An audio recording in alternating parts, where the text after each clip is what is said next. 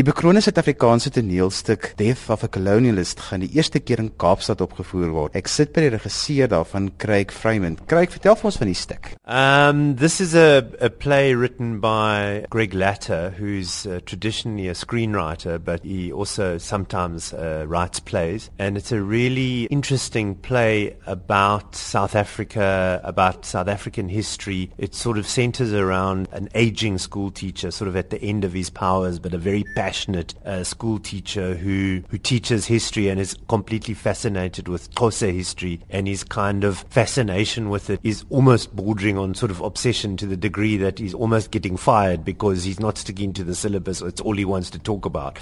Uh, and at the same time, he's, uh, he's facing a bit of a family crisis that he's unaware of, that his wife is actually dying of uh, cancer, but hasn't told him. His, his children live overseas, and, and everyone kind of comes back to face uh, the situation with the mom. Yeah, it's it's it's a, it's it's funny. It's it's very sad. It's very moving.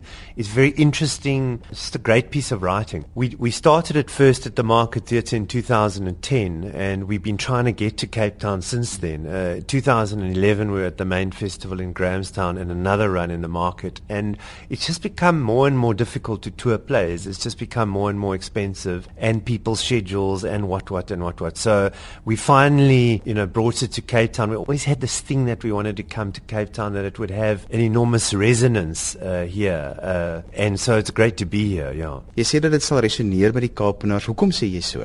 Well, uh, I, I, noticed particularly in, in when we were in Grahamstown, the, the, the place set in Grahamstown, you know, which is kind of a sort of a halfway point somehow in South Africa, even though it's in the Eastern Cape. It's probably closer to Cape Town than it is to Joburg culturally in some ways. And, and, and we had a really great run of it at the Grahamstown Festival with a lot of Cape Town people who responded incredibly well to us and, you know, kind of saying, why has this never been to Cape Town when it's going to come to Cape Town? So there's that. But it's a it's a Cape story, you know. It's it's it's set in Grams. It's an Eastern Cape story. This teacher is is obsessed with the with the frontier wars uh, with the Xhosa and uh, yeah, I, I think it's a Cape story, you know, more than it's a, a Joburg story. Nou ons sit nou hier in die teater waar jy repeteer en ek sit dan kyk na 'n baie interessante stel. Dit is 'n dis 'n gewone sitkamer. Hoe sluit dit aan by die storie?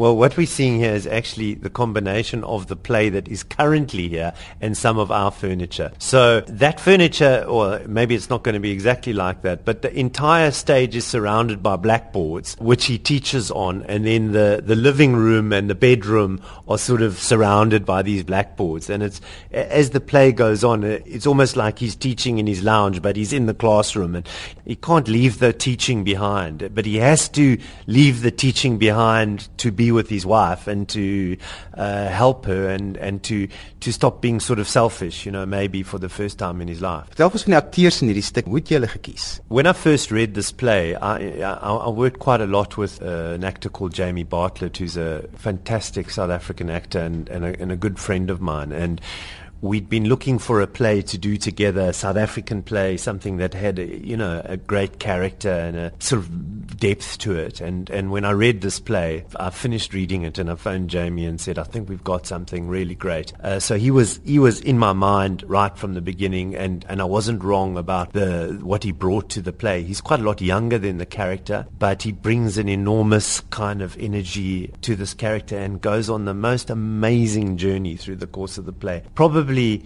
for me like the one of the most extreme journeys I've seen an actor go in. It, just the level, just the amount that he travels emotionally in the play. And then the other the other actors, Shirley Johnson uh, is is uh, plays his wife. Um, Shirley's based in Cape Town and. I searched long and hard for that part and eventually found her here, and she's terrific. We've got a young woman called Ashley Harvey, who's a Joburg-based actress who's done all the runs with us uh, so far. And the the brother, so there's four. There's mom, dad, and then there's the two kids who both live overseas. Uh, and then the young uh, brother is played by Nicholas Pauling, who's a who's a Cape Town actor. So we're quite a nice situation where we've got two Joburg actors and two Cape Town actors, and bringing this play written by Greg, who lives in Knysna. I live in Joburg. Uh, uh, you know, to the Cape Town stage. Jamie hasn't been on a Cape Town stage, I think, for 10 years, he said. I don't think I've been here with something for at least seven or eight years. Uh, so it's we're really excited to be here.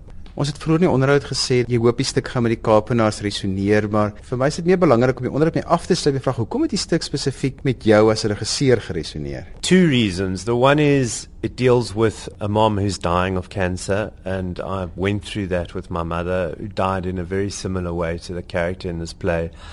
And Greg has written a, a really beautifully observed character in the mother, that very sort of stoical mom who doesn't want to be too much trouble to anyone, and yet she's dying.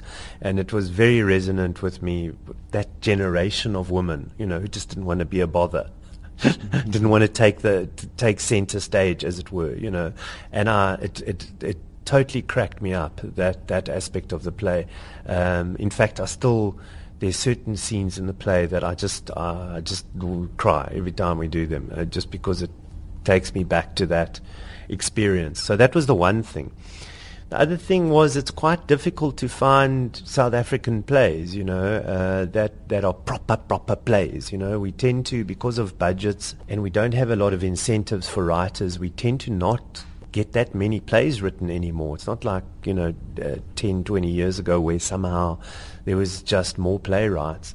So it's quite rare to find a South African play that's a fully fledged two act play uh, that's got real, real uh, depth to it. And it deals with subject matter that I'm very interested in. What, what does it mean as a white person to be South African, to be African? What does our past have to do with our present? Uh, how how damaged are we by our past? You know, there's this there's this kind of reference to death of a colonialist and it's and it's in a sense about a man who was possibly related to one of the families who'd, who'd come out to fight in the Boer War and yet has become a South African and and has shed you know that kind of colonial past if you if you're wondering about the title it's just a really good play, you know, and, and, and the family dynamic is, is really well observed and, and the way this character kind of has to confront himself and um, ultimately it's about a family, but it's also about South Africa and, and being South African.